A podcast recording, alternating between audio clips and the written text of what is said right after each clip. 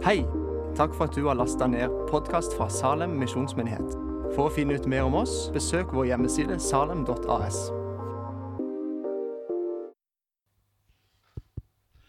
Halleluja. Så fint å være her i lag med dere også nå i formiddag. Jeg håper du er klar over hvor eh, utrolig privilegert vi er som Guds folk, som får samles eh, i menigheten i sammen sånn her. Jeg tenker på det at Når vi samles her denne formiddagen, så er det antagelig ikke bare titalls millioner, men hundretalls millioner som har vært i gang og lovprist Jesus før oss. Ikke sant? Tenk på det fra Samoa-øyene i øst, og Japan har vært i gang, Hilsong har vært i gang med alle de der tusener på tusener som samles i Australia. Og tenk på alle de eh, millioner i Kina som har vært i gang og lovprist Jesus denne morgenen her. Fantastisk å tenke på. Og så får vi liksom koble oss på denne, denne sirkelen av lovprisning og tilbedelse som går rundt om jorda akkurat denne søndagen her. Det er stort. Å være en del av Guds menighet, det er fantastisk. Og du vet at eh, Eh, en del av de her gjengen som vi tilhører, de er jo mer entusiastiske i lovprisning enn oss. Eh, jeg har sagt det, det, er så bra at vi er på eh, samme tidssone som Afrika. Der de virkelig kan lovprise og, og, danse og juble og tilbe Herren. Og så kommer vi stillferdige nordmenn da for å lov å være med på det her. Det er bra. Men så fint. Halleluja. Jeg, tenkte, jeg hadde lyst til å snakke litt om, om Guds menighet i dag. Og, se, den der eh, som Guds familie. Og det står faktisk i eh, Efesene 2,19. Derfor er dere ikke lenger fremmede og utlendinger. Nei, dere er de helliges medborgere og Guds familie. Det syns jeg er så fint sagt. Guds familie. Tenk at du er i familie med Gud.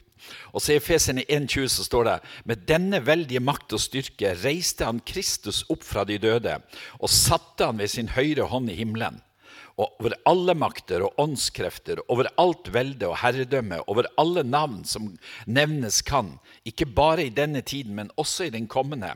Ja, alt land under hans føtter, og han som er hodet over alle ting, ga ham til kirken, som er Kristi kropp, fylt av ham som fyller alt i alle. Hørte du den? Kristi kropp. Tenk at vi får være det. Skal du høre hva salmisten sier i Salme 16? Da står det Min sjel, du har sagt til Herren, du er min Herre, jeg har intet gode foruten deg. Men om de hellige som er på jorden, må jeg si, de er de herlige som jeg har all min lyst i. Er ikke det fint sagt? Salmisten sier altså de hellige som er på jorden, altså må du tenke på det her er deg og meg, de er de herlige som jeg har all min lyst i. Jeg håper det er sånn med det, at du har din lyst i Guds folk. Eh, jeg var, jeg var i Tromsø og hadde møte henne for ei tid tilbake. Og Så møtte jeg ei dame som var kommet fra Russland. Hun hadde flytta til Tromsø fra Russland. Og Så fortalte hun hvordan hun har leita i Tromsø etter en menighet, og finnes en menighet. Og Så var hun kommet inn i den lille baptistkirka der. Og hun var så lykkelig over å ha møtt de hellige i Tromsø, Guds folk i Tromsø. Hun hadde bakgrunn blitt frelst i, etter kommunisttida i, i, Russland. Og så bare søkt jeg må finne en familie i Tromsø. Og så sto hun der og strålte og fortalte hvor enorm betydning menigheten hadde for henne. Og jeg håper i, for din del så er det det samme, at du, du, elsker menigheten som du er en del av. Eh, menigheten er mest, verdens mest ver merkverdige organisme, har jeg skrevet her. Uh, og tenk at den består ut av alle mulige merkelige typer, sånn som er jo det. Mest fargerike, forskjellige kulturer, forskjellige legninger, forskjellige bakgrunner. Alt dette er miksa sammen i det her som heter Guds menighet. Og der får vi lov å være med. Uh, Sjøl så tilhører en menighet på Stjørdal, en misjonsmenighet. Eh, vi er ca. 400 i den menigheten. En av de største menighetene i Midt-Norge. Uh, og ei levende menighet. Mye unge folk, unge familier og mye barn. og masse sånt. Og Det er en litt sånn tøff menighet. Vi har akkurat kjøpt nytt lokale nå, eller nytt, uh, et sånt anlegg midt i Stjørdal til 42 millioner. Så det er en menighet som ikke er redd for å satse. De tenker framover. Vi har to skoler, en internasjonal skole og en norsk skole, da, som har ca. 100 elever hver. Og så er det et levende miljø. Jeg, jeg, min store sorg er at jeg får vært så lite der, for jeg er borte alle helger. Alle helger som er på en eller annen plass i verden der jeg forkynner Guds ord. Men på mandagene så er det mulig. Og jeg har vært med og hjelpe de og prøvd å dra i gang bønnelivet på mandagene. Og det er så herlig å se hvordan de har vokst. Jeg var der nå på mandag, og da var vi 25 stykker som var samla i bønn. Og de virkelig ber. Det er spesielt de gamle som kommer sammen da, til, til bønn. Og så gjør Gud under, så blir mennesker frelst, og så får vi være en del av denne flokken her. Og jeg er jo en sånn, en sånn type som elsker menigheten. Eh, når jeg er på ferie, det første jeg gjør, det er hvor finne en kirke som jeg kan gå i. En menighet. Så hun Liv hun sier at vi må, vi må fare en plass der det er menighet, så du ikke får abstinense når vi skal fare på ferie. Så Vi har vært en del på Gran Canaria, og da har jeg engasjert meg i eh, turistkirka der. Og det er så fint. Uh, folk har blitt frelst og helbreda, og det, det, er så flott å være med der. Og de, de spør meg jo når jeg kommer hvor mye kan du preike mens du er her nede. Og da sier jeg alt som dere får til. Jeg vil være med på all moroa dere får til, sa jeg til de siste. Så er jeg blir preika der. Men du vet, det her med Guds forsamling, det er noe fantastisk. Å få lov å være en del av det, det er så stort. Eh, jeg vet ikke om dere så Urix i forrige uke, på, eh, på torsdag. Så var det fra Brasil der, eh, hvordan vekkelsen går over Brasil. og Det er jo helt enormt, det Gud har gjort i Brasil de siste årene. Eh, preika sammen med en brasiliansk pastor nå i sommer. og Så hadde det vært Jesusmarsj i byen hennes. og Det var ingen, ingen, en, ikke en av de største byene i Brasil. Men det har vært over én million kristne i Jesusmarsjen, sa hun. Og så viste Urix et langt program, eh, over en halvtime, tror jeg, om vekkelsen som pågår i Brasil. Der det var spesielt fokus på ei lita jente på, eller jente på 13 år som drev og helbreda syke. Som gikk rundt til med pappaen sin, som var pastor, og ba for de syke rundt om i byen der de tilhørte. Og De hadde menighet i et sånt slumområde. Og Så sier reporteren når han går inn der, at dette området her, her tør ikke engang politiet å gå inn, for det er så voldelig og det er så mye fælt som skjer her. Men, sa han, overalt så finner du menigheter her som er liksom saltet inn i den forråtnelsen som finnes der. Og så vokser menigheten ut av de her, eh, kanskje de, de, mest elendige. Gud han har jo to adresser. Det står i Jesaja 57 sånn. Så sier Han som er høyt opphøyet, Han som troner evig. Den hellige er Hans navn. Og så hør på Guds to adresser. I det høye og det hellige bor jeg, og hos den som er knust og nedbøyd i ånden. Jeg vil gi ånden liv hos dem som er bøyd ned, og hjertet liv hos dem som er knust. Hvor er det Guds rike går sterkest fram i denne tida? Jo, nettopp blant de fattige og de elendige og de som ikke har noe håp, egentlig. Og Vi, vi, vi er så lykkelige i Nordic Mission at vi får være med på dette her. Gud kalte meg veldig spesielt til ei folkegruppe på Filippinene. De kalles for Varai-Varai-folket. Og Varai-Varai betyr ingenting, ingenting. Så de kaller seg for ingentingfolket, de her. her. Kanskje de på Filippinene som er sett mest ned på, de er de fattigste. Men der har vi sett hvordan Gud bare går fram. Og jeg sa det sist jeg var der nede, at vet du at denne folkegruppa her, den står skreven om i Guds ord. For i første Korinterbrev så står det det som ingenting var, det utvalgte Gud seg. Og i deres Varai-bibel så står det det som var Varai, det utvalgte Gud seg. Det er jo fint. ikke sant?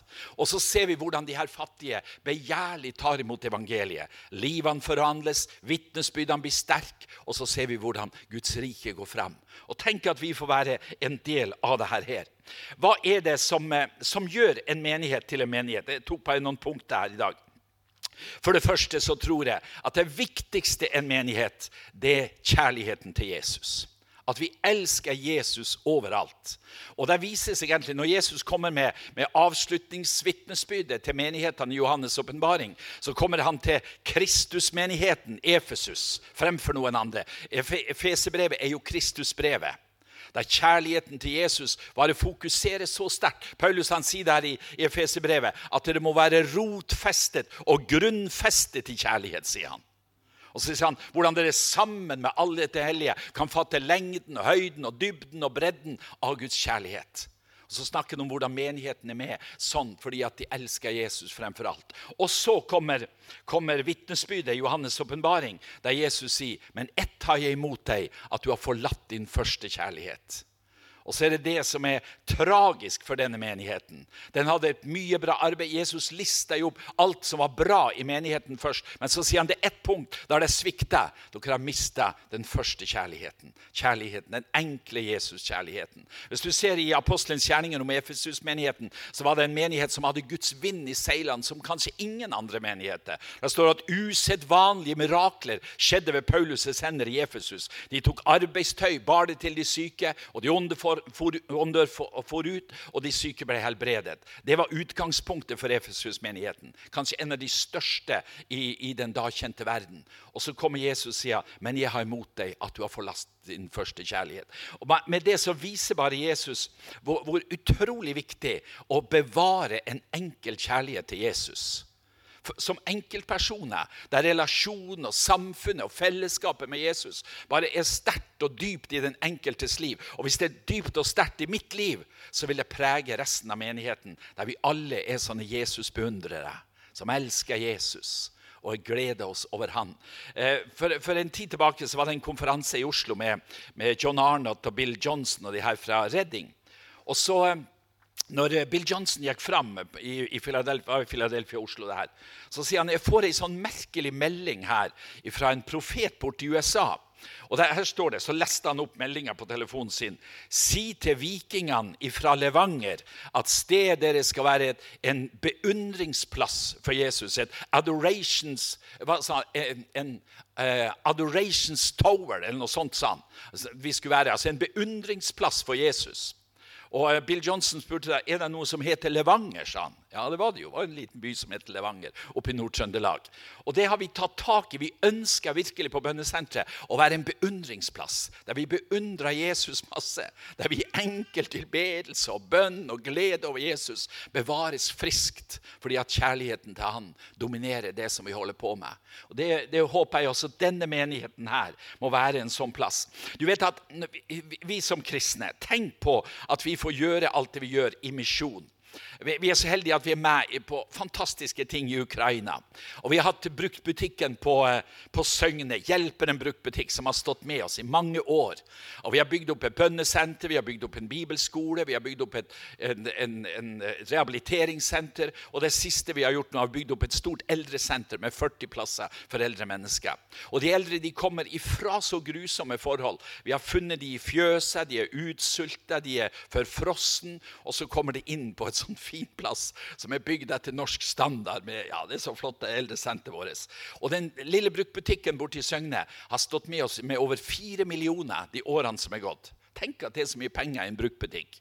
Og så har de hatt et hjerte for at de her elendige i Ukraina skal få hjelp. Og så er det sånn Når du kommer til Ukraina, og spør du hvorfor gjør dere dette her? Hvorfor kommer dere fra Norge og bruker så mye penger her i dette fattige landet? Og Da kan vi henvise til at vi har en som har elska oss så høyt Jesus Kristus har forvandla vårt liv. Og så kan vi vise til Han pga. at vi får være en kanal for Guds kjærlighet inn til mennesket.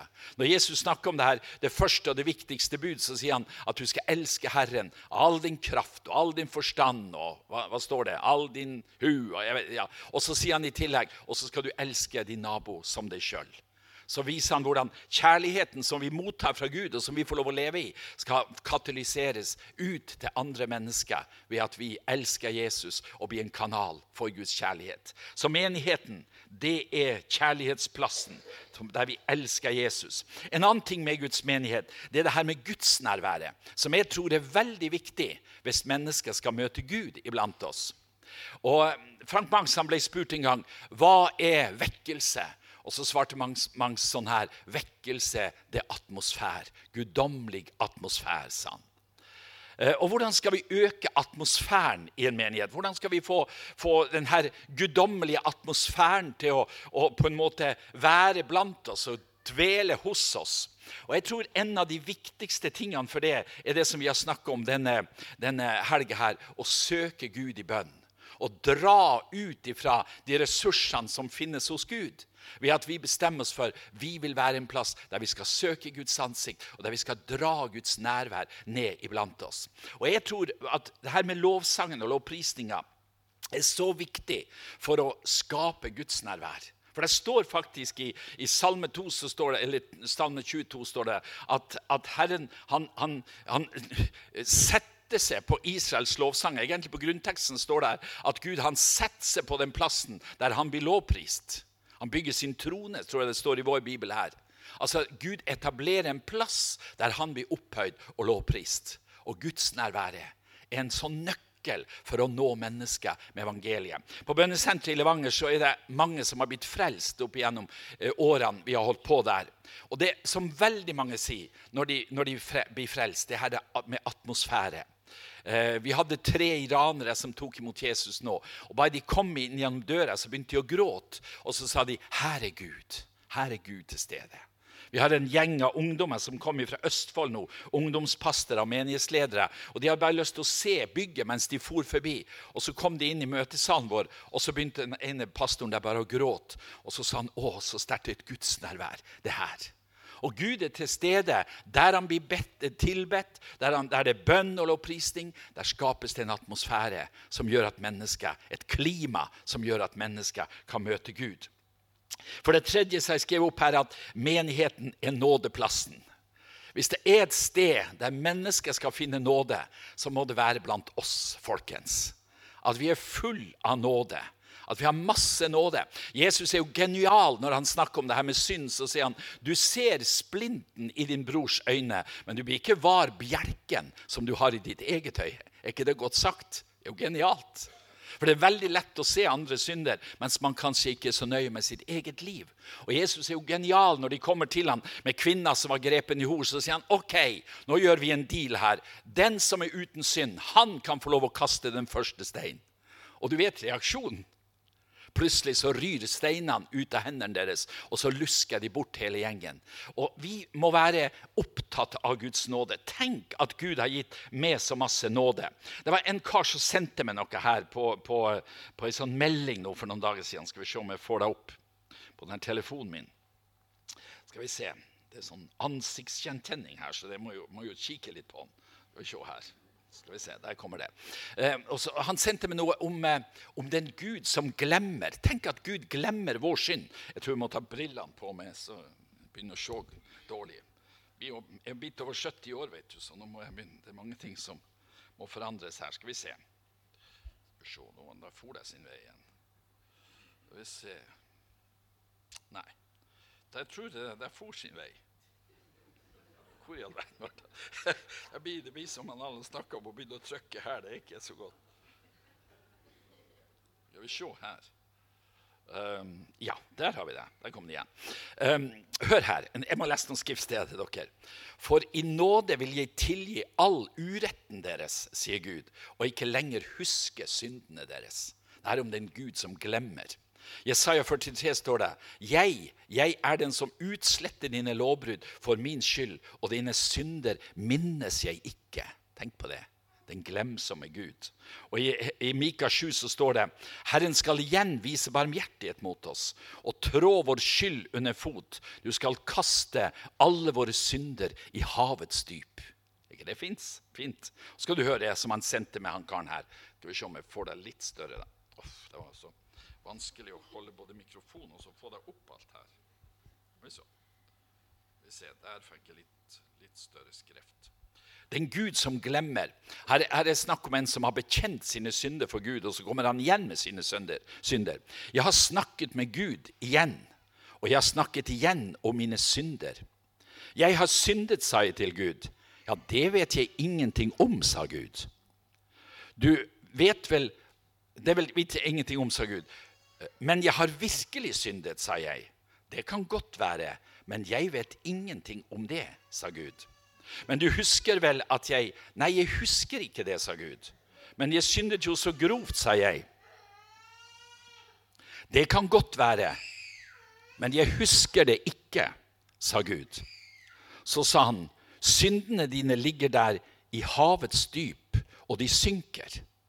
Men jeg skal vel gjøre opp for dem Jesus har allerede gjort opp for dem, sa Gud. Men noen av syndene mine var jo Da ble Gud utålmodig.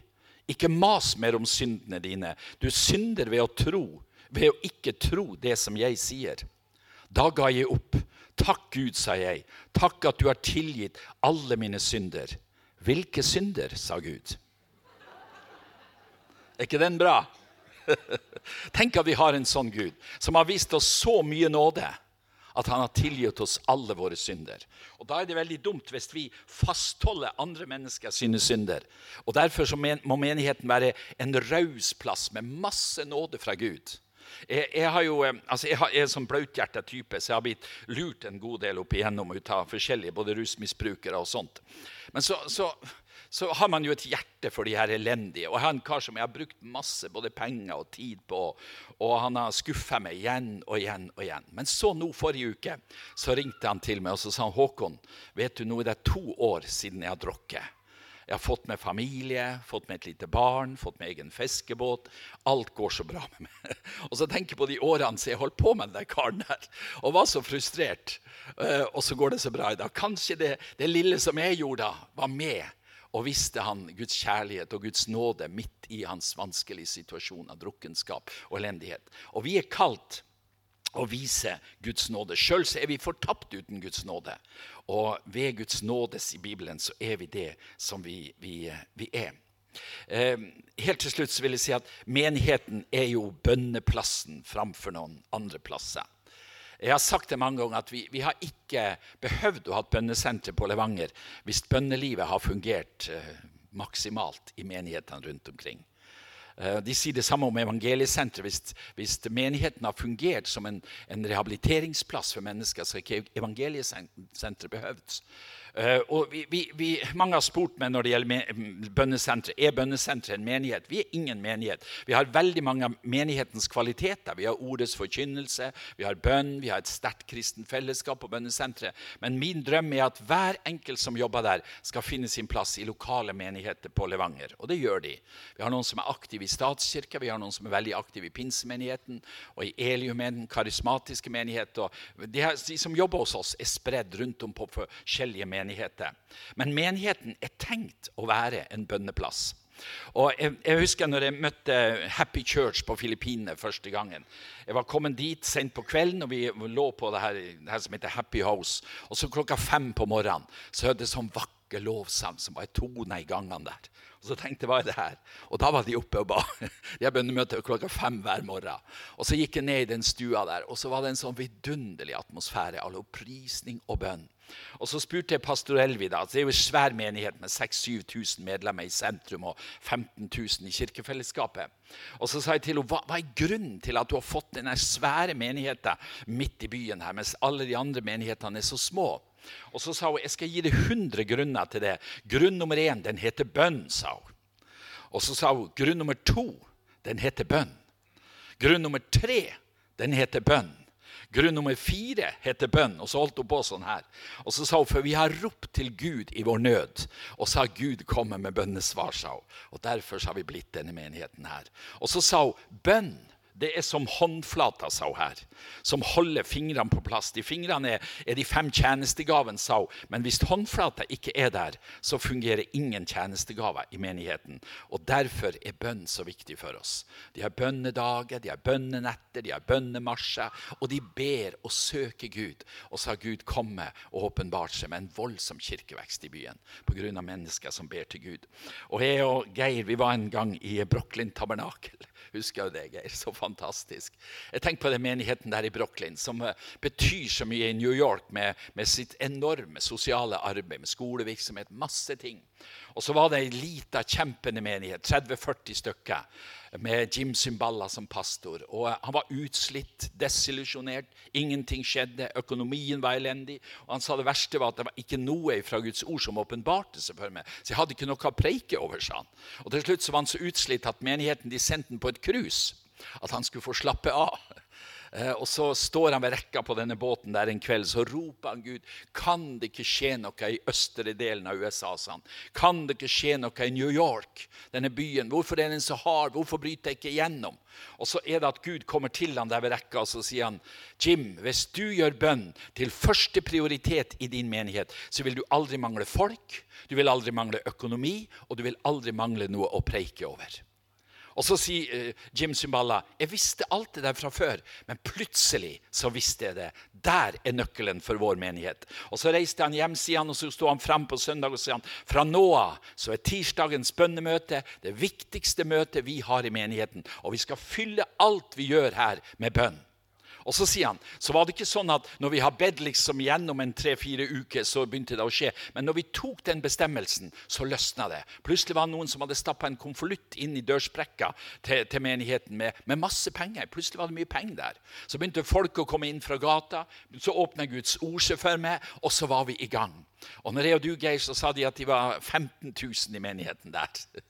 Og for en menighet! Jeg var på, på eh, bønnemøte på tirsdagskvelden. Da, da, da, er det maks eh, alt de klarer å pakke inn i forsamlinga. 4000 sitteplasser har de.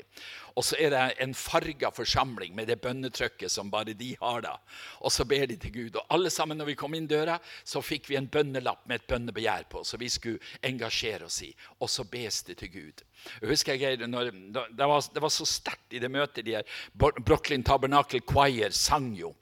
Og så kommer de med de her sterke vitnesbyrdene. Det koret består jo ut av, ut av mye eh, tidligere gangstere, prostituerte og kriminelle som står der, merka ut av livet. Og så kommer de med vitnesbyrdene sine innimellom. Og både jeg og Geir vi gråt som noen unger der vi satt. Og så, og så kommer den lille puslete pastoren fram, han Jim Symballa. Og så sa Geir til meg at det er iallfall ikke han der karen som har fått det her til.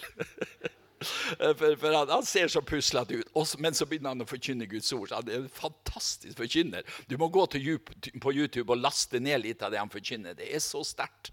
Men denne menigheten har blitt forvandla ved at de fant nøkkelen, som heter bønn. Og så begynte de å be til Gud, og så ber de.